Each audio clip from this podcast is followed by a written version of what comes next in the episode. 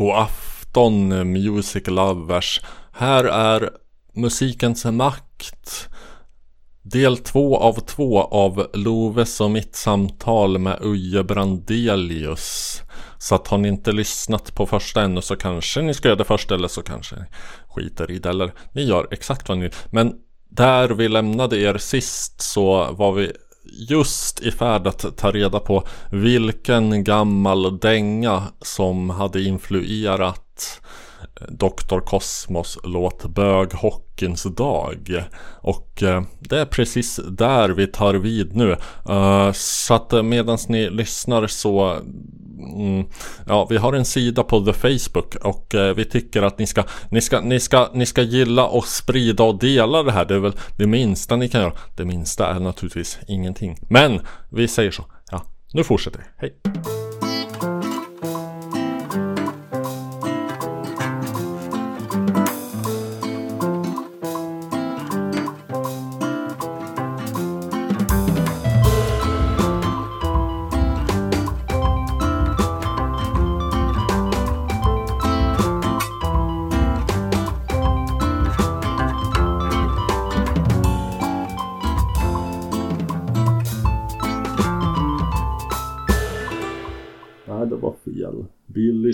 Sheehan får Nej. upp här och vi får upp Lee Dorsey. Det var Lee. Dorsey? Ja, okej, det var det alltså. Jaha. Inte en gammal jazzsnubbe, tänkte jag. Eh, Nej, det var soul. Ja, okej. Och, eh, det, och det var så här stompig soul liksom. Ja. Alltså lite så här Ray Charles eh, soul. Ja, ja. Och den, just den här låten är väldigt inspirerad. Det var Holy Cow. Ja. Den lät så här då. Nej men sp sp spela, spela Jaja förresten. Om, om, om den finns. Det kan den nog mycket väl göra. jag tror att den Björkhockeyns första dag är, är väldigt lik den faktiskt. Jag har aldrig tänkt på. Oh, well, I'm sitting here, la la, waiting for my ya-ya. Oh, I'm sitting here, la la, waiting for my ya-ya. Visst hör ni Ja, Björkhockeyns ja. dag? Just det. Oh, it may sound funny, but I don't believe she's coming. Oh, Jo, men det hör man ju faktiskt. baby, hurry, don't make me worry. Ja. Jag har aldrig tänkt på det här själv faktiskt. Vad roligt att ni, att ni fick mig på det här spåret. Podcast. Oh. Oh. Just det. Det var lite otippat faktiskt. Kopplingen Dr. Cosmos och Lee Dorsey. Ja, vi har ju, vi, vi har ju kallat uh, världens vitaste band. Ja, vem har kallat det? Jag kommer inte ihåg. Men jag tyckte det var ganska välfunnet i alla fall.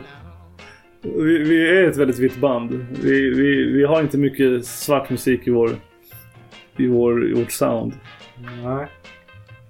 Jag kan bara dra, på tal om vit och svart musik. Eh, Robert hade ju en, en podcast med eh, den öppne rasisten Daniel Landsten. Känner du till honom? Nej. Nej. Det är inte han som bor på Åland? Jo, Jo. precis. Ja, okej. Eh, och då gjorde de en, eller ja, eh, en sak de sa i podden. För Robert är ju väldigt profilerad. Eller vad man ska säga. Du var ju med och drev uh. Eh, Ja, jag var med och drog igång det där som det vart visst hallå om sen. Mm. Eh, du var då antirasisten som bara lyssnade på vit musik. Och Lampinen var rasisten som bara lyssnade på svart musik. Ja, om man hårdrar det lite grann eller slarvar lite med sanningen för att eh, riktigt så är det inte. Uh, ett av mina alternativ som jag hade tänkt eh, eventuellt köra som i vad har du lyssnat på sen sist var till exempel vad hette den gubben nu då? Eh, Bobby Womack och han är inte så himla vit på något sätt. Så, ja. Det svåra blir när man kommer till Michael Jackson. Eller vit eller svart. Mm.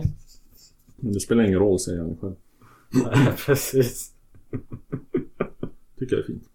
Ehm, men det var som sagt tidiga Dr. Cosmos. Jag vet inte om det var alltså, om, om, om det var liksom dygd av nödvändigheten eller om, om det var så här, om det var medveten estetik att det, det man hör ju Alltså det är ett väldigt billigt sound liksom. Det är så billiga Både och, och- är mitt Ja. svar. Både och. Vi, vi, vi, vi var ganska dåliga på att spela. Vi hade inga instrument. Vi hade ingen replokal. Ja. Vi fick repa hemma i vårt studentrum. Men vi gillade också det liksom alternativa och det avskalade. Mm. Eller vi tvingades att gilla det, kanske. Nej men alltså, det är klart att vi kanske, delar av oss har drömt om att låta som The Cure eller, eller liksom Talking Heads eller sådär. Men vi, vi, vi hade inte några sådana här möjligheter. Och jag har alltid tyckt att det var mycket roligare att bara göra det man kan istället för att drömma om det man inte kan. Liksom. Mm. Så att vi gjorde det och så tänkte vi, det kanske leder någon vart. Eller Mm. nej, nu ljög jag. Det tänkte jag inte alls. Vi, bara, vi hade bara kul faktiskt. Och sen så ledde det någon vart. Sen fick vi göra riktiga skivor med, med, med och göra på, jag kommer ihåg när vi fick göra pålägg för första gången. Och så här, att, att, att man, man inte behöver spela alla samtidigt. Liksom. Hade ni pålägg på socialmedicin? Nej, Jag, tror, jag, tror, Nej. jag tror faktiskt inte att vi hade det. Oj. Men där, där på Stjärnjärdet så, så hade vi pålägg. För då, då dubbade min sång bland annat. Och så, och så la vi kanske på någon gitarr så här, Men det var ex, extremt sparsmakat med pålägg. Men hur spelade ni in då i början? Var det liksom... Så vi stod runt en mikrofon allihopa. Okej.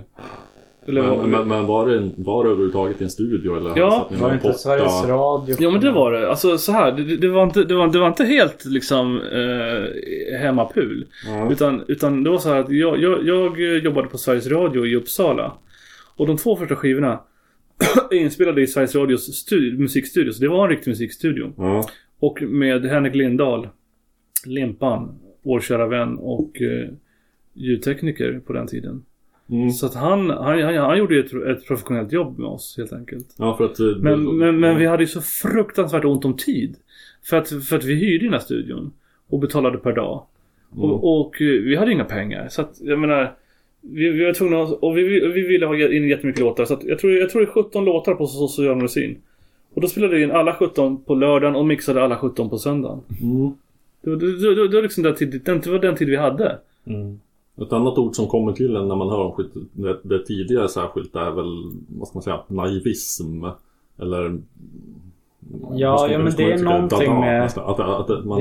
Jag tycker något väldigt roligt, alltså typ eh, vad heter den första Rymdeman-låten Ja, ja men liksom att, att det medvetet inte rimmar och är lite skeva och konstiga ordval i texterna. Ja, att och, det, alltså Talspråkligt och konstiga stilbrott. Och, Ja men just den, vad het- vad heter den? Den, den, ni hör ni att det bor en man som, i Norrland. som- Rymdmannen heter den. Rymdmannen. Det är en extremt viktig låt för Dr. Cosmos. Det, det, var, det var den första låten som vi gjorde som folk gillade. Mm. Och som kände att, att, att vi, vi körde den på GH Nation, Jessica Hälsingland Nation, mycket på deras pubkvällar och i, mellanakter på Spex och sånt där. Mm. Och den låten blev en, en hit. Alltså lokalt Mm. i, på Trädgårdsgatan i Uppsala. Eh, och, och, då, och då kände vi att Fan, vi har gjort någonting unikt. Vi har gjort någonting som inte någon annan har gjort förut. Kan det här vara någonting att göra mer av liksom? Och, Ja. Så att den, den, den, låten, den låten är själva grundbulten i hela Dr. Cosmos-skutan skulle jag säga. Mhm. För just den text, alltså det är nog, som du säger naivistiskt. Alltså den är nästan skriven som en litet barn skulle skriva en saga typ. Mm. Att du sjunger, ja men typ att Ja, jag kommer inte på några bra exempel nu men alltså, Ja, men den, den, är, den är ju till exempel så den har in uppbrutna meningar. mm, Hörde du som min bäste vän till mig en helt vanlig dag. Alltså att börja en mening med, att börja en sångstrof med till mig. mm, Det är ju jättekonstigt. Ja, just det. Alltså de, de, de är uppbrutna helt fel meningarna. Det, det, det, det var en lång, en, en, en, en lång text skriven. Och sen så har jag satt melodi till den. Att men, Utan- ut- meningen passar inte in Ja, i nej. mitten, liksom. Ut, utan att bry mig om var meningarna börjar och slutar. Mm. Vilket, vilket är jättekonstigt och, och väldigt humoristiskt intryck. Men var, Ja. var, var det liksom ett medvetet eh, komiskt grepp eller? Ja, det var det. Ja. Jag, jag, jag, jag, upptäckte det komiska greppet när jag skrev låten. Mm. Alltså, jag, jag upptäckte att det är ganska kul att göra så här. Hör du som min bästa vän till mig en helt vanlig dag. Jag har hört att det bor en man i Norrland som... Alltså, Norrland som lär vara från rymden. Ja. Alltså, det, det, det, det, det blir konstiga meningar. Jo, Är det alldeles sant så jag, honom vill jag gärna träffa. Inte konstigt att man blir nyfiken på en rymdman. är det Rymdemannen? Den låten Ja. som vi snackade om. Den låter så här.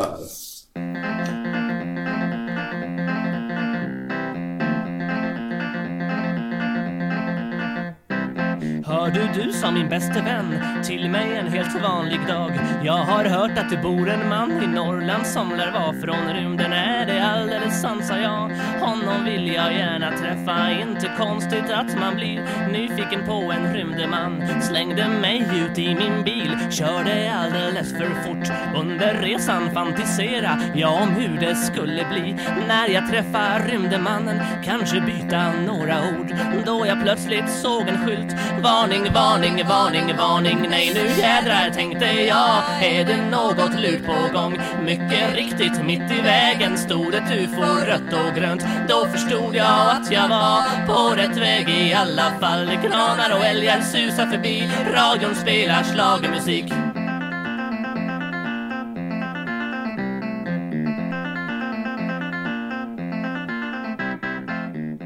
Men det här var en väldigt viktig låt alltså. Det var Den var, som... den var jätteviktig. Ja. Sen, sen, sen, sen när, den kom på skiva så försvann den lite bland alla andra låtar och Blåvita flingor blev vår största hit och ja, sådär. just det. Mm. Men, men, men, men det, alltså early, early, early Dr. Cosmos så var det, så var det vår absolut viktigaste och största låt. Var det första låten på första kassetten? Mm, kanske att vi la den först. Men det var i alla fall den första låten som vi skrev. Mhm. Som, var, som var ett unikt material.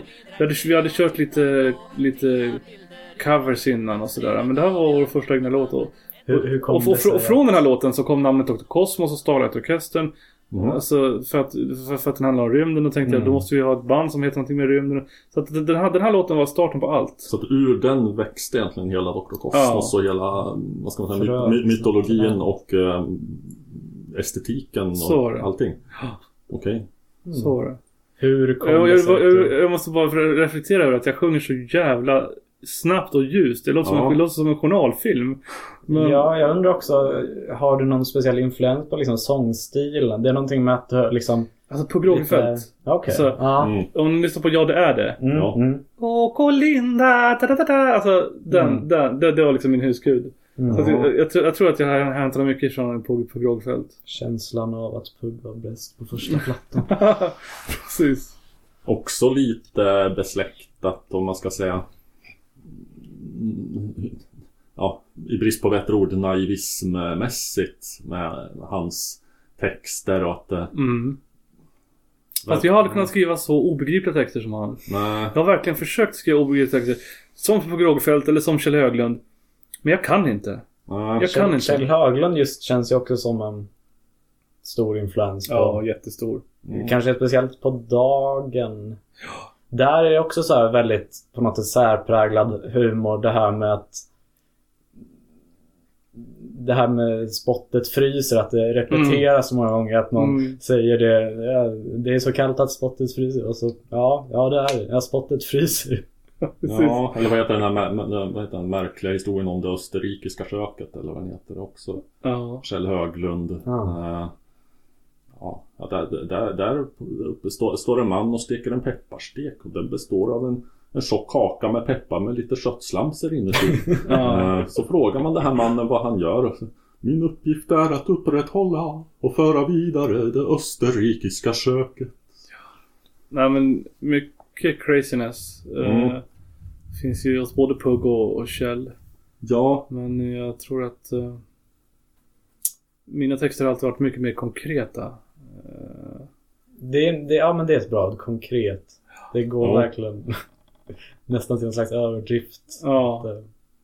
Det- Jag, jag gillar det här överkonkreta för där, där blir det kul. Mm. När spottet fryser tre gånger då, då, då blir det roligt. ja. Ja, verkligen. Eh, Gick till Kappahl, schyssta kappor. Jo men speciellt tidigare Dr. Cosmos handlar ju väldigt mycket om att ta vardagsformuleringar och göra till musik. Alltså lite så här.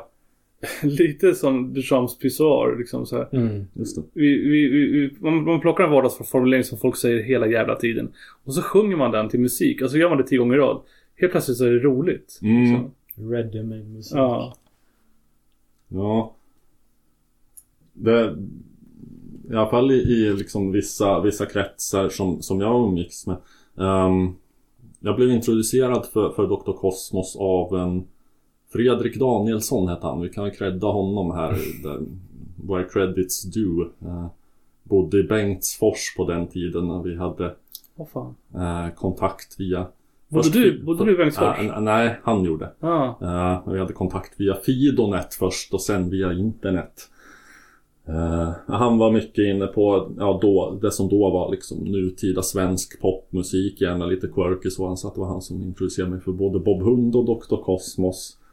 Eh, men när man, när man umgicks med honom och med andra som det, det blev ju så att formuleringar från Dr. Cosmos-låtar letade sig in i ens vokabulär och blev en del av någon sorts gemensam referensram Mm, och intern ja, humor. så här att, Eh, if- Ifall jag hade en banan så var det helt självklart kunde jag säga till, till honom att ska Ät ha en fiberrik och drogfri gyllene banan Okej, jag Ja. tror du skulle säga ät den här ruttna bananen. Ah, nej, inte, nej, det var inte en rutten banan. Och, så, och, så, och, då svarade han helt självklart att nej, varför skulle jag det? Det är mycket godare med knark. Ja, det är väldigt roligt. God. jo, men jag har också varje gång jag stöter på ordet förståelse i någon samtal så säger jag förståelse är bästa grejen för de vill inte längre slåss. Eller han vill inte längre slåss. Just det. Det här blir memory lane för mig. Det är textrader som jag inte har tänkt på på 15 år. Det är väldigt mycket som är citerbart tycker jag. Ja.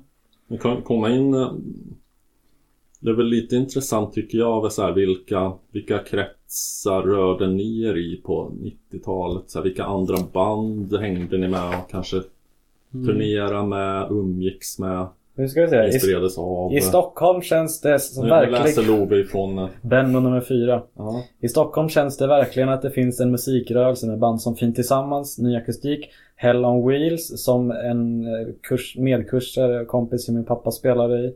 First Floor Power, Monster, Honey's Cool, Masserin Street, Puppet Masters, Revlon 9, Chihuahua, Dr. Cosmos och större band som Grand Tone Music och Bob Hund. Det är inte jättemånga av de där som man kommer ihåg idag men i alla fall minst hälften. Jag kommer ihåg alla. Ja, Ja, då har ni, då har ni jättebra sammanfattning. Då slapp jag svara på den frågan. nej okej men eh, vad bra. Men hur var, hur var Fivel då? Var kommer de in i bilden? Ja, de... Var de också nons? Mm, ja, det var de. Ett tag, har jag för mig. Ja. Skulle spela när vårt bolag hade fest i Umeå. Jag kom ju då. Fivel. Jo, jo. Ja, men då, då, det var de ju. Det var, det var någons. Så var det. Men när var det här? När den här tidningen? 2000 tror jag. Okej. Ja, men Benno var ju faktiskt... Det Eh, var 2000. om, om man ska... Det, det, det var ju vår musikens makt, så att säga. Mm. Om, om man ska utnämna ett husorgan så var det tidningen Benno. Den, den, Var det Stefan Zachrisson? Mm, det var Stefan som var drivande där. Om 20 år så får någon starta en podd som heter Benno. Mm, precis.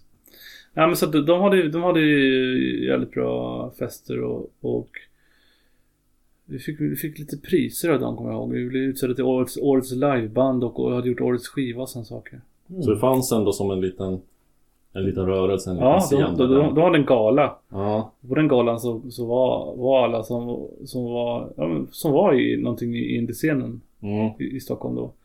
Det fanns ju liksom För då hade ni, då, då var ni Stockholmsbaserade. Ja. Mm. Hade inte jättemycket, mycket, alltså det var ganska spretigt mus musikaliskt. Och, och ideologiskt så hänger det kanske inte heller ihop sådär. Även om de flesta var lite allmänt vänster såklart. Som, Mm. som alla musiker. Men, men eh, Förutom Magnus Schmidt. det, det, det fanns en DIY-känsla som var så här. Willy Crawford. Man kommer ihåg att så här, punk, punken var död så länge. Mm. Och liksom 90-talet hade liksom lite grann börjat dö. För nu, för nu snackar vi liksom 98, 99 någonstans. Mm. Mm. Det började komma någon sorts DIY-tanke tillbaks liksom. Och folk som inte kunde spela riktigt. Men, men det, det, det, det, var, det, var, det var- det var ganska kopplat till, eh, till konstskolor. Eh, skolor. Konstscener. Mm. Ja, som på med New Wave och ja, precis. sånt. New York. Det, det, det var ganska kopplat. Det var många som höll på att göra videos och, och, och liksom konst. Många som gick på konstfack och, och sådär. Så att det var liksom, det var ganska kopplat, serien var ganska kopplat till det. Mm. Ehm, sen var ju vi väldigt udda fåglar i den scenen. Det var ju nästan ingen annan som höll på med humor. Nej. eh, på det sättet. Nej. Eh, Bob Hund i viss mån får man väl säga. ja, det är i, i viss mån. Men inte, inte alls lika uttalat som vi kanske. Nej. Nej men alltså jag minns när jag köpte, det här är inte mitt exemplar nu utan det fick jag låna här. Eh, när jag köpte just den här Benno nummer 4 på Stockholms Stadsmission för några år sedan. Uh, Där du hittar det. Jag hittar all, aldrig Dr. Cosmos Ja. merch. Precis. Men jag fick en sån romantiserad bild av det här liksom, musikklimatet. Men det var härligt. Stockholm. Liksom Det var det, nu är det så extremt fragmentariskt. Känns det som. Det finns inte riktigt någon rörelse med den här typen av musik. Det finns säkert någon jävla scen som du och jag inte känner till och som folk sitter och pratar nostalgiskt om om 15-20 år. Ja, kanske det. Men ja.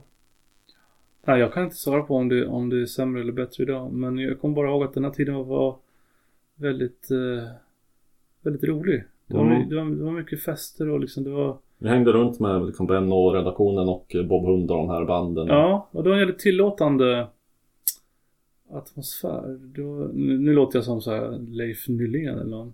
Så var det, här, det är 67, allting var i rörelse, det var då det hände. Men, men ja, jag antar att alla generationer har sin har sitt 67 och mitt, mitt 67 det var liksom 98 till 2002. ja mitt 67 också, 90-talet där Ja. som jag inte levt. Mm. Eller mitt 67 kanske också är 67. Men det... 67 har inte varit än. Ja, eh, en fråga. Det är en sak jag undrat över otroligt länge. Mm. Eh, för ja, hur jag upptäckte Kosmos var att eh, en släkting till mig var mobbad när jag var, gick i så här låg mellanstadiet. Eh, jag ska inte specificera vem. Men eh, då sökte jag på, jag antar att jag googlade bara på liksom, eller Alta visst eller vad fan det var. På eh, mobbning eller mobbare eller någonting. Och då kom låten Mobbaren upp från eh, Stjärnjerry, en rockopera. Mm. Den andra Dr. Cosmos-låten som nästan alltid spelas på Club Sunkit. Mm. Mm, den är väldigt bra. Kände du att han var? Jag kände att det var en bra låt men jag... men sen en av de nästa låtar jag hörde var eh, eh, Dr. Knark från Socialmedicin. Mm. Och det är en, jag tror sista textraden typ. Som jag aldrig lyckats uttyda vad det är och det verkar som ingen annan. Det kanske står i någon slags texthäfte. Det innebär att du har inte, du har inte skivan alltså? Nej, tyvärr. Men det är det här. Reine har åkt till Moskva för att fika. När vi verklighet blir vi rika. När vi tejpat en klet. När vi tejpat en klet. Det, det, det, den är lite rolig den låten för det är den enda låten. Eller tror det en. Jo, jag tror det är enda. Nej, en av två tror jag. Som Martin Ågård har skrivit Jaha. Mhm. eh, texten till. Vad, gjorde, vad spelade han? Eller eh, Dr. Knark har vi nog skrivit tillsammans i och för sig. Mm. Men Dåliga stället så tror jag att han skrev helt själv. Okej. Eh, Det var den med Star John. ja. Du, du, du, du, du, du, du, du. Oj! Du, du, du, du, du, du.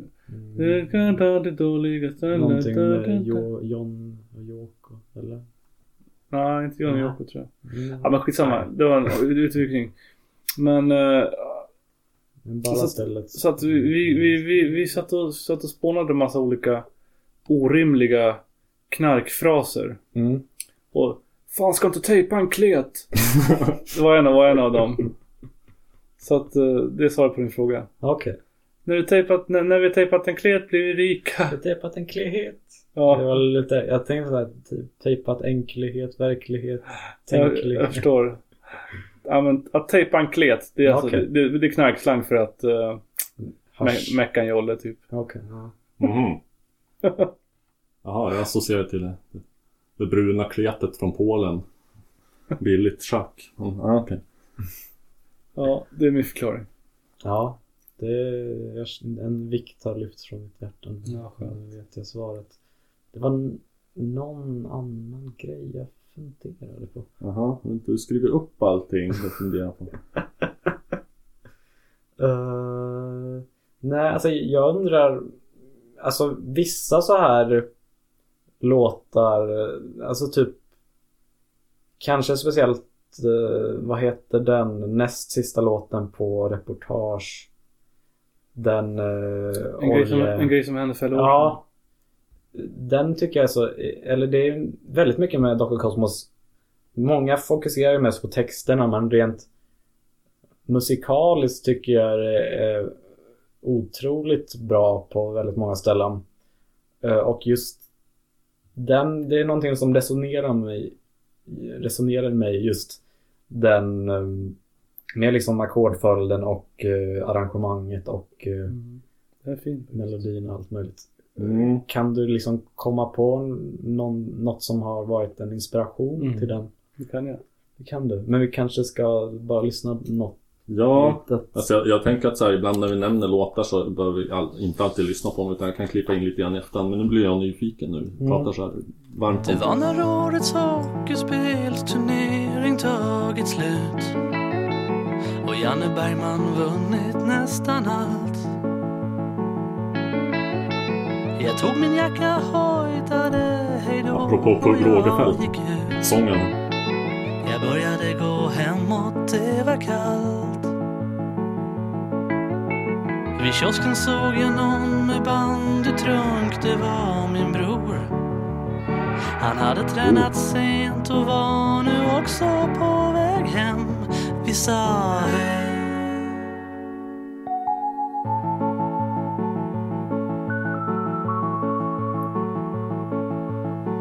Vi gick stora vägar Förbi Caruso och förbi oljedepån. Så sa min brorsa du, jag vet en bil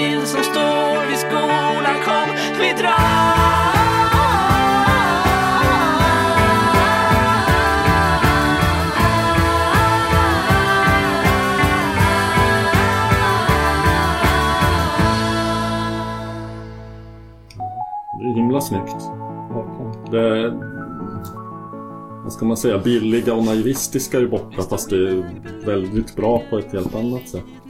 Eh, jag har ju lite, eller jag associerar ju till, till tidigare nämnda Fint Tillsammans lite grann. Musik, Mm, lite med gitarrerna. Jag tror faktiskt att uh, Henrik Svensson gjorde de där slide-grejerna. Ja. Han som spelade med Fint tillsammans. Mm. Jag tror det. Jag ska... Sen svära men jag tror det också. Mm. Men kanske, kanske du eller någon annan var med på den där konserten med Fint Tillsammans som jag berättade om. Jag tror att det var 2001 typ. Där. Kan du dra en snabb recap av dem? Jo, men det var... De lät inte som på skivan. Nej, eh, jag hade ju hört den här superperfektionistiska En världsomsegling där varje lite, litet liksom eh, virvelslag var kalibrerat, eh, finskruvat in i minsta detalj och så, och så kommer de upp på scenen och en helt, helt rasande trio som liksom slår sönder sina syntar och gitarrer och, och, och, och ser ut att vara liksom svinförbannade på någonting, okänt vad och gör så här superenergisk och, och aggressiv spelning. Och sen bara går ut utan ett ord och hänger gitarren på någon random snubbe från publiken som går upp och börjar jamma. Mm. Ja. Känns, känns det som en typisk eh, spelning i den här, liksom, vad ska man säga, Benno-scenen cirka 2000? Ja, så tillvida att många tyckte nog att eh, det performativa var liksom viktigt att det skilde sig. Alltså att inte återskapa, att live-situationen var en speciell grej som man Mm. skulle liksom göra till något, en unik upplevelse. Ja. Att, att det inte handlade om att liksom återskapa en skiva så noggrant som möjligt utan Hade så- ni, hur, hurdana var era konserter vid den här tiden? Var det teatraliskt fortfarande? Alltså, vi, vi, hade, vi hade nog jävligt hög energi och spelade låtarna dubbelt så fort som på skivan. Ja. Till exempel har vi aldrig kört den här låten live. För att, för att eh, den, det funkade inte med vårt live-koncept. Vårt, vårt live-koncept var att köra över publiken. Mm. Eh, Och folk skulle vara svettiga och ha dansat sig blodiga när, när vi var färdiga med dem. Liksom. Ja, Det var liksom det som var målet. Det var, det, var- det var inte att spela vacker, vacker musik. Utan det var, lyckades det ofta? det var, för, det var för att riva stället liksom. Var, var, var det, fanns det, fanns det en, en väldigt, fanns det en bra publik som fattade grejen? Mm. Eller hände Jo. att det floppade? Nej men alltså, men det fanns för och nackdelar med, med den attityden. Fördelen var att det var jävligt kul och svettigt att gå på en Dr. Cosmos konsert och liksom eh, Nackdelen var väl kanske att texterna inte hördes överhuvudtaget. Och att eh, vi på, från scenen ofta bedömde om en konsert gick bra eller dåligt beroende på hur mycket svett och hur många som hade pogat. Mm. Och, och hur högljudd publiken var. Hur halt det på golvet Ja. efteråt. Vi liksom, vi liksom, vi, vi, vi kunde inte ta in att folk kunde stå längst bak och blunda Mm. och få, och få ut jättemycket av en konsert. Det, det tyckte vi var, var en dålig publik. Vi ville publiken skulle vara i morspit liksom. Ja, det är, det är alltid roligare. Ja, fin- alltså just om man pratar liksom band som kanske var mest aktiva mot slutet av 2000-talet och kanske också liksom lite kändare typ band från 80-talet när folk hade med sig liksom bandinspelningsutrustning. Men finns det, har du några så här bootlegs sparade någonstans? Eller liksom, finns Ja. det live? Jo, det finns några live. Några liveupptagningar som Det- ja, Krille, Krille Roth som var stående ljudtekniker i många år. Han har gjort några inspelningar. Sen finns det ju Peter Live-grejer och så. här, så det, det, fin- det finns det finns ju också den här uh, Pepsi-festivalen som du spelade i TV. Men det finns, det finns ett problem med de flesta live- liveinspelningar och det är att jag spelar ju klaviatur med vänsterhanden, Mm. basklaviatur, men förlåt, basklaviatur med vänsterhanden, ackordklaviatur med högerhanden Mm. och sjunger stämsång Mm. och leadsång. Och liksom, det blir lite för mycket. Det, det, det finns, det, det, liksom, det blir så... Det är, det, det är svårt att lyssna på tycker jag. Mm. eh, som lyssningsvarianter. Som live-grej funkar det förmodligen alldeles perfekt. För då har man inte så höga krav så är man småfull och så vidare. Mm. Och det är energi som räknas. Men att lyssna på det efteråt är liksom inte alltid jättekul tycker jag. Men vilka, vilka, vilka var de högsta höjder om man säger så här fram... Vad, vad var Dr. Cosmos största framgångar? Var det reportage eller den tiden? Det var den tiden. Det var, det var från, från när jag var story och sen så eh, två år efter reportage typ. För kom upp i finrummen och fick grammisar och Ja. spelade på större scener. 2000 till 2002 tror jag var det absolut största. Det är 2003 kanske. Mm. De, de, de, de åren var liksom... Då hände det. Vi, var, vi vann en Pet- Petri Guld första året Petri Guld fanns. Mm. För årets bästa band eller vad det var. Bland och bästa skiva, jag kommer inte ihåg. Vi tänkte aldrig som Bob Hund och skapa någon så här engelskspråkigt alter ego och slå utomlands. Jag gjorde faktiskt en skiva på engelska. Ja, cocktail. Cocktail, som var en sån här plojskiva på engelska. Mm. Och var den, den, eh, eh, ja. Det, är- alltså, det var väl bara du med Casio? Ja, det var jag med Casio. Dumt nog så kallade jag det för Dr. Cosmos. Det, det ångrar jag idag. Ja just det, den där ja. Fast det var ju mycket tidigare. Ja, det var, 90, slog alls. det var 96. Ja, Det var ju också det var det, Crazy Negroes Eating ja, det var Mushrooms. ju det där ordet igen. Ja. Eller inte lika. Det var väl Negro. Ja, just det. Ja. Och den låten plockade de bort när den gavs ut i USA kan jag säga. Ja, och väntade själv. Den kom ut i USA då. Ja, lång historia kort. Eh, Jag fick kontakt med ett skivbolag i USA som gav ut skivan så vi fick göra en liten turné där också. Mhm. Mhm. Jag och, då, då, då tog jag med mig delar av Dr. Cosmos och det var också dumt så i efterhand. Skulle bara sagt med Casios. Ja, nej men alltså man, Jag vet inte, man är, man är ung och, och fattar inte att folk blir sårade. Mm. Okej, att du inte tog med hela bandet.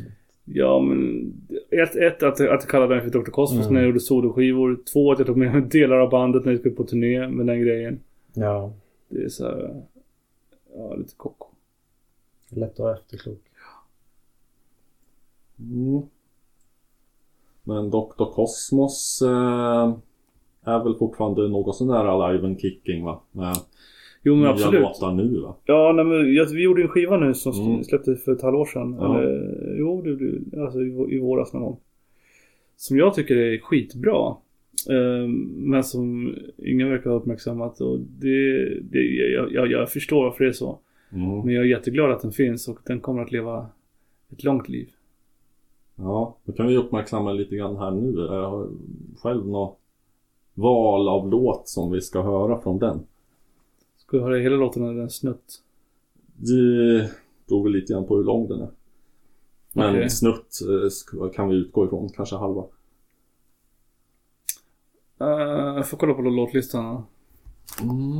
Eh, då ska vi se så att jag inte pajar allt och välter ut hela skiten.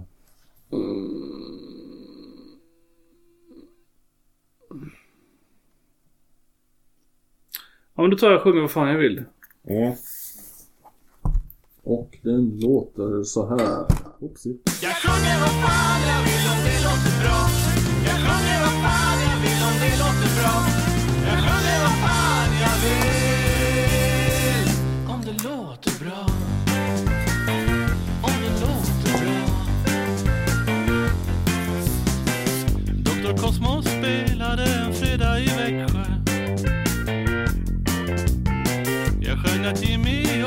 som ska doppas i bajs.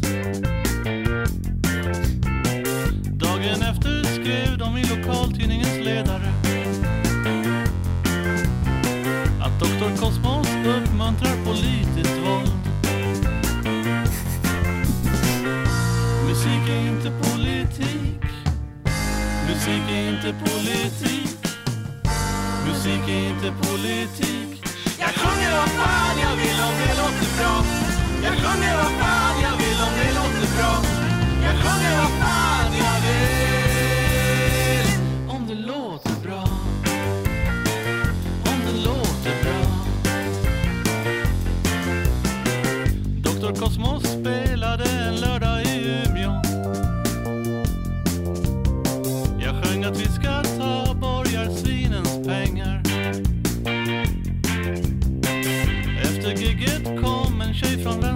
Vänsterpartiet. Frågade om vår resursomfördelningsmodell. Musik är inte politik. Musik är inte politik. Musik är inte politik. Jag sjunger vad fan jag vill om det låter bra. Jag sjunger vad fan jag vill om det låter bra. Jag sjunger vad fan jag vill. Skriver verkligen under på budskapet. Finns ju så... Så, så, så, irriterande tendenser inom nästan alla politiska läger att liksom ta kultur för så här, ja, det, det som en sångare står och säger, eller som en poet skriver, att man tar det på ett, ett töntigt bokstav, på ett så här, autistiskt bokstavligt sätt, både på att säga på, på tolkningsföreträde på autism. Eh, och inte ens jag tar liksom text, sådana textrader bokstavligt, även om det skulle vara en meningsfiende som har sjungit dem. Eh, Men det är, är en debattteknik också. Mm, jo, att man vill begränsa motståndarens yttrandefrihet genom att säga att men det här uppmanar till politiskt våld. Men, Gud, alltså. Och, och att det så här. Vad kan det vara på ti- 10-talet kunde bli skandal med Ebba Gröns då nästan 40 år gamla låt eh, Beväpna er. Beväpna er för att en poet spelade en variant av den i Sommar i P1. Alltså människor som, som, som, som ondgjorde sig, kanske inte ens var födda när den gjordes eller kanske som jag har vuxit upp med den låten och hela tiden fattat att det här är inte ett eh, politiskt manifest. Det här är ett konstnärligt uttryck. Liksom. Det finns så, så löjligt eh, fördummande, medvetet missförstående som är ganska irriterande. Ja, den här... Det var en del av Spring och spring föreställningen där du spelar upp någon slags gräl mellan... Mm. Var det inte att du sa något liknande där att jag sjunger vad fan någonting knulla kungen i röven och... Knulla kungen upp i analen. Ja. Heter det verkligen upp i analen? Säger man inte ner i analen? Och så tjafsar jag med... Ja, just det. Det beror lite grann på ifall man står eller ligger eller vad man... ja, nej men... Eh, jo, men det, det var en scen där i föreställningen som handlade om, Mm. om det. Så är det. Vi, vi har haft ganska lite sådana diskussioner i bandet om man ska, om man ska helt ärlig. Vi, vi bråkar nästan aldrig om text utan vi bråkar mest om musik. Mm. Så texterna har vi, varit ganska överens om faktiskt. Ja. Men det är mest... Eller hur är liksom fördelningen rent text? Skriver du fortfarande Jag skriver alla texter. alla texter? Mm, Har det alltid varit så? ja. Okej. För att det, som jag ser, ser så svängde ju, eller från och med ett par låtar på Eva Story så, så, så blev det ju kanske mindre av det här quirky och flippiga och mm, naivistiska och mer av det men jag, jag, jag, allvarliga. jag känner nog att... eh, jag känner nog att så, här, de som älskar det och vill ha det. De har ju två, tre skivor att lyssna på. Mm, Det, det, det får väl räcka. Mm, Ja. Jo, det är väl lite det ni sjunger om i sista låten på Hallå. Ja, just det. Precis. Hej Att då. ni får pissa pappa på pungen och vad det där. Att vi ber för Onkel Konkel. Ja. Och det kan ju vara okej ibland men man vill inte bara vara det. Vi, vi har ju haft en ganska schizofren karriär alltså. Vi har, vi har, vi har varit alltifrån Onkel Konkel till, till, till Kent liksom. Mm. Alltså i, liksom, i uttryck, alltså, i, i allvarsgrad om man säger. Jo, verkligen. Eh, och det är ganska schizofrent och jag, jag förstår att det är svårtolkat. Och, Jo, jag tycker ofta liksom musiken, det rent musikmässiga försvinner där. Att, jag vet inte, för mig är nog just ja, som musiker, men jag, jag, alltså när jag lyssnar på musik så, om, när jag bedömer om jag tycker om en låt eller inte, eller det är svårt att liksom rationalisera det, men det, det är mycket så här är det en, om det är en väldigt förutsägbar ackordföljd eller om det om melodierna är tråkiga eller någonting. Jag tänker nog rätt liksom mer på musiken än folk i gemen kanske. Och, eh, och det tycker jag lite eh, att Dr. Cosmos är, är varken så här eller ja, varken varken men eh, varken ett plojband eller ett politiskt band. Det är ett riktigt Ja. bra liksom, band rent eh, musikaliskt. Att Dr. Cosmos själva sammanfattar det väldigt bra med att de är på låtsas och på riktigt. Ja. Nej, men jag tror att hemligheten är ju också att vi alltid har gjort musiken först. Mm. Vi har alltid gjort låtar och, och när vi tycker att låtarna är bra, då går jag hem och gör texter. Det, det är inte så att jag kommer med... Förutom Rymdeman. Förutom Rymdmannen, nej, jag vet inte fan. Kanske till och med var så. Ja, okej. Ja. Det finns ju några låtar som texterna kommer först. Men, men i 95% av fallen så gör vi låtar. Och när låtarna är hemma, när de, när, när de sitter musikaliskt, när de är, när de är liksom så här, nu, nu vet jag att vi har en låt. Mm. Då gör jag text. Mm. Jag, jag, jag är inte liksom, ja. Lasse Winnerbäck. Nej, du, du är ingen poet som tonsätter. Nej. Och det också gör att, att- det, det gör också att jag känner lite grann som, som en serietecknare. För att man har så lite plats. Mm. Alltså när, när man gör musik utan text så, så då, då, då sjunger man ju ganska få stavelser. Men när man har en text först, då blir det jättemycket stavelser. Mm. Men mi, mi, mina, mina, mina låtar, eller våra låtar är väldigt, eh, har väldigt korta texter.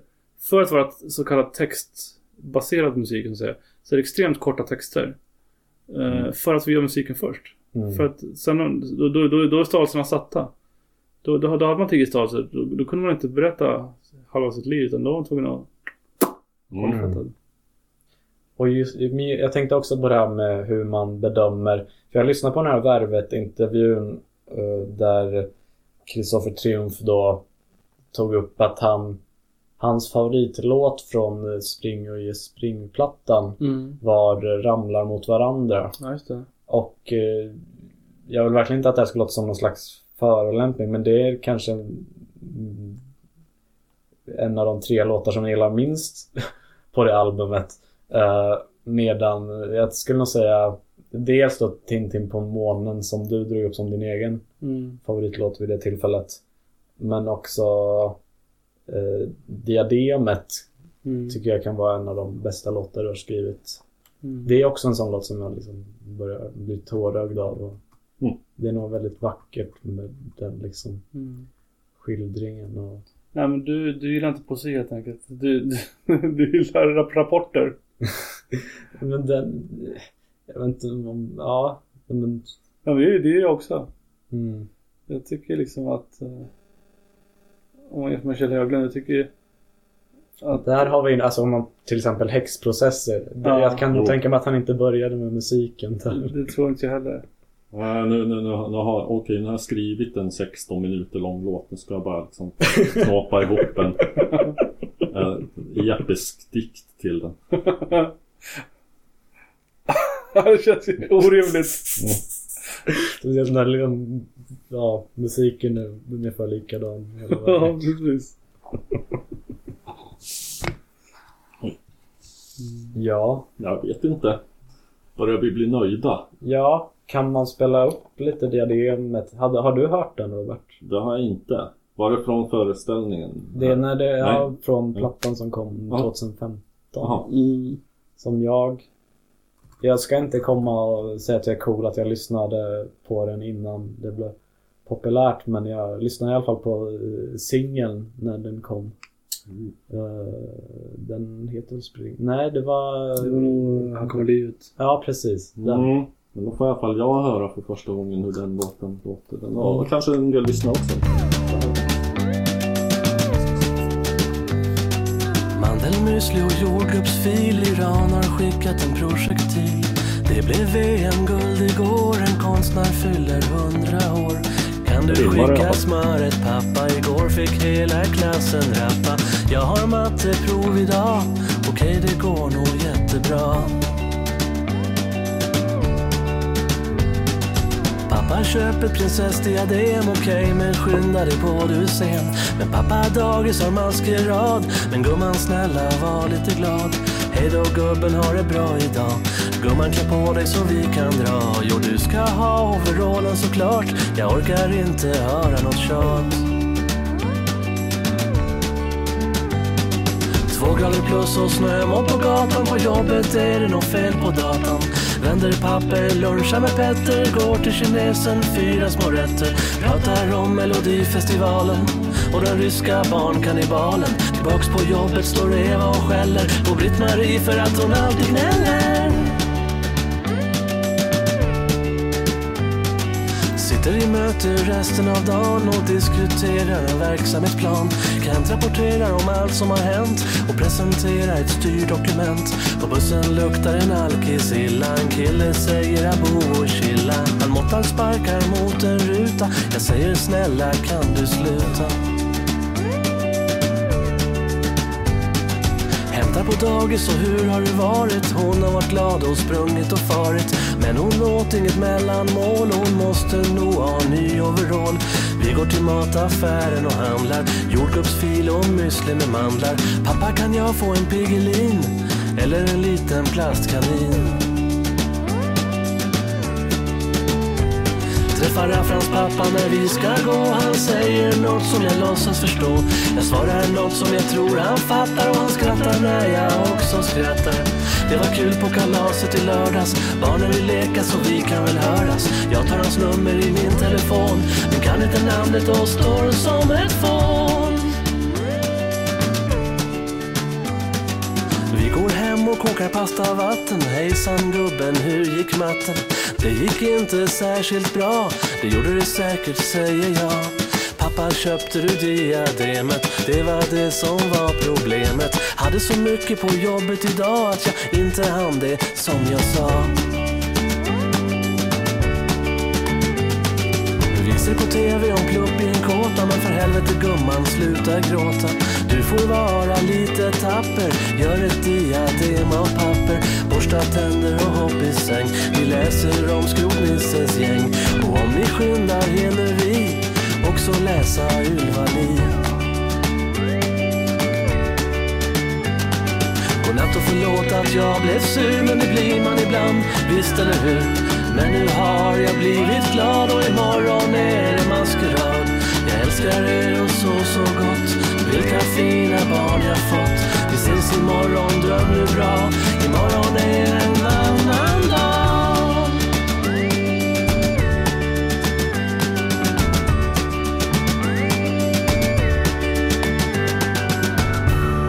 Väldigt mycket relate på den låten för mig som också har barn. Mm, jag förstår det. Mm. Det, är, det har vi ju med genren vardagsbetraktelser. Mm. Eh, jag, jag gillar ju som, som jag antar att det är för Love också, eller som jag förstod det, låtar som berättar historier mer än låtar som är mer abstrakt poetiska liksom, textmässigt. Jag gillar blandningen måste jag säga. Jag tycker, jag tycker att en skiva med liksom tio stycken noveller kan bli lite tradigt. Men fem noveller, två poetiska grejer och, och, och två slagordslåtar tycker jag. Ja, jag, jag tycker att Stuart Murdoch är rätt bra på att blanda det i en och samma låt. Mm. Eh, med uh, ja, kanske framförallt från eh, If You're Feeling Sinister-plattan. Eh, Vilket för övrigt är min topp fem. Ja, det är nog samma här. Den är otroligt. För där är det ju... Det är ändå rätt mycket man får läsa mellan raderna men han, han har ju också det här att han, han berättar historier men inte självbiografiskt riktigt utan, Mm. utan mer... Ja. Mer liksom som små noveller om Mm. He was into S&M and Bible studies. Ja, precis. Men den, den låten är ju eh, otroligt sorglig tycker jag. Vi pratar alltså om Bellen Sebastian här för den som inte riktigt hänger med. Feeling sinister 96. Som jag också har lyssnat väldigt mycket på. Mm. Eh, vilken låt är det, det som, som jag såg som lite så här generations... Get me away from låt. your undying. Uh, när de liksom kontrasterar sig mot någon mm, någon, någon gammal hippie som uh, remembers, ja just det, remembers of the Ehm, punks Vänta, just the det. Me and the Mayor. Ja just det. Ja. Me and the Mayor. Ja. Där, för där har vi verkligen det här uh, Quiet is the new loud grejen att det eh, Att jag uppfattade det då som att Det här väldigt tysta, tassande och försiktiga Var i sig en protest mot allt skrän och bröl och bröt det- som det- hade kommit innan. Det tror jag. Det var ju lite av en grunge-protest. Ja, Skulle jag säga. Och, och, och, och, var- det något som band ihop den här scenen som vi pratade om tidigare, den här Benno-scenen. Mm. Så var det ju att det var väldigt skört my- mycket. Mm. Det var väldigt så här. Ja, skit, skört. Och liksom eh, sprött. Mm, Kan tänka mig att Bellen Sebastian var rätt stora. Alltså de var ju just, de, de, de, jag skulle säga att de var, de var, om det finns något band som definierar den här så kallade rörelsen Mm. runt 98, 2000. Så var det nog Bellen Sebastian. Jo, jo, men det är nog... Jag skulle nog säga att det är mitt favoritband av alla. mm. De och sen så, sen så fanns det också någon Kanske såhär Le Tigre, alltså en, en lite ar, argare feminist. Riot Girl. Mm. Men Bellen Sebastian var ju enorma i, Mm. Ja, i de kretsarna. antagligen klipper jag in och Me and the Mayor eller någonting. här. Jag börjar bli ordentligt ölapessanöd. Ja, och jag börjar väl känna att jag är lite sluttankad på Jo, bara- det, bara- jag tycker det har blivit ett väldigt... Vi har fått många scoops, eller några stycken. Många stenar har vänts på. Är det något du vill tillägga Uji som vi inte har det liksom... någon eh, self-promotion du vill göra? Lyssna på senaste skivan. Ja, just det. Var... Jo men det kan jag säga. Lyssna på vår senaste skiva. Ja. Den är förvånansvärt, förvånansvärt bra. Spelar ni ute något eller? Gör ni Nej, annat? Nej. vi gör inte det. Nej. Vi är för lata. Mm. Och så kan ju jag bara avsluta, eller ja, jag vet inte, det blir, ja men jag får säga att jag avslutar med det att eh, på, på mitt jobb som, som inte är så här eh, riktigt miserabelt vända papperaktigt som skildras i den här låten men eh, som i alla fall är ett kontorsjobb där jag ägnar mig åt mjukvaruutveckling av en produkt som ska användas i skolmiljö.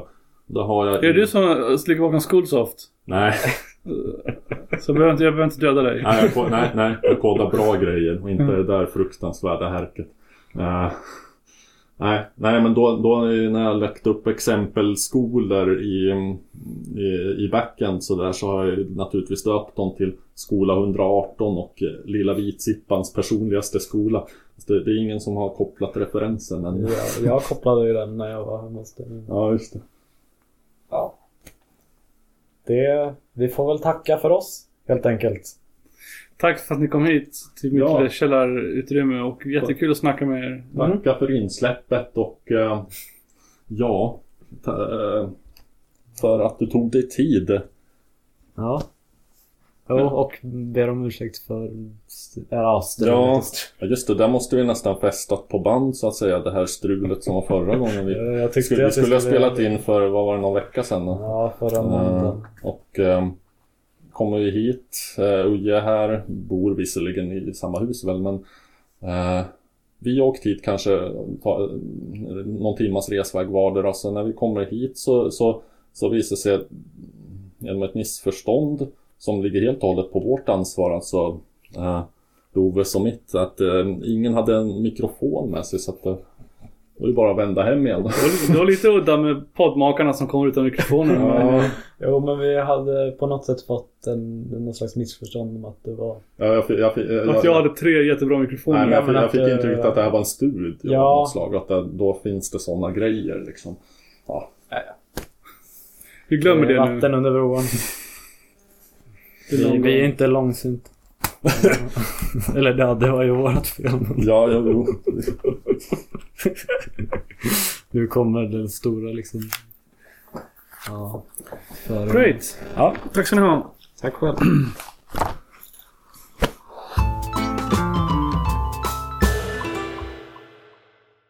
Uh, nu på lördag spelar vi in med Mattias Björkas. Uh, Ja. Hur, uh, att- Iris Viljanen spelade backup på Det föreställningen. hade, det hade med att göra att jag älskade Vasaslåfarnas första skiva. Ja, jag, alltså jag håller den som den 10-talets bästa skiva på svenska. Den är fruktansvärt bra tycker jag. Vi vidarebefordrar den kärleken till honom då. Ja. Jag har fortfarande inte stängt av det. Det här kanske Det, det, in i det, det, det vet han att jag tycker. Okej. Har ni träffats? Ja. Det sant.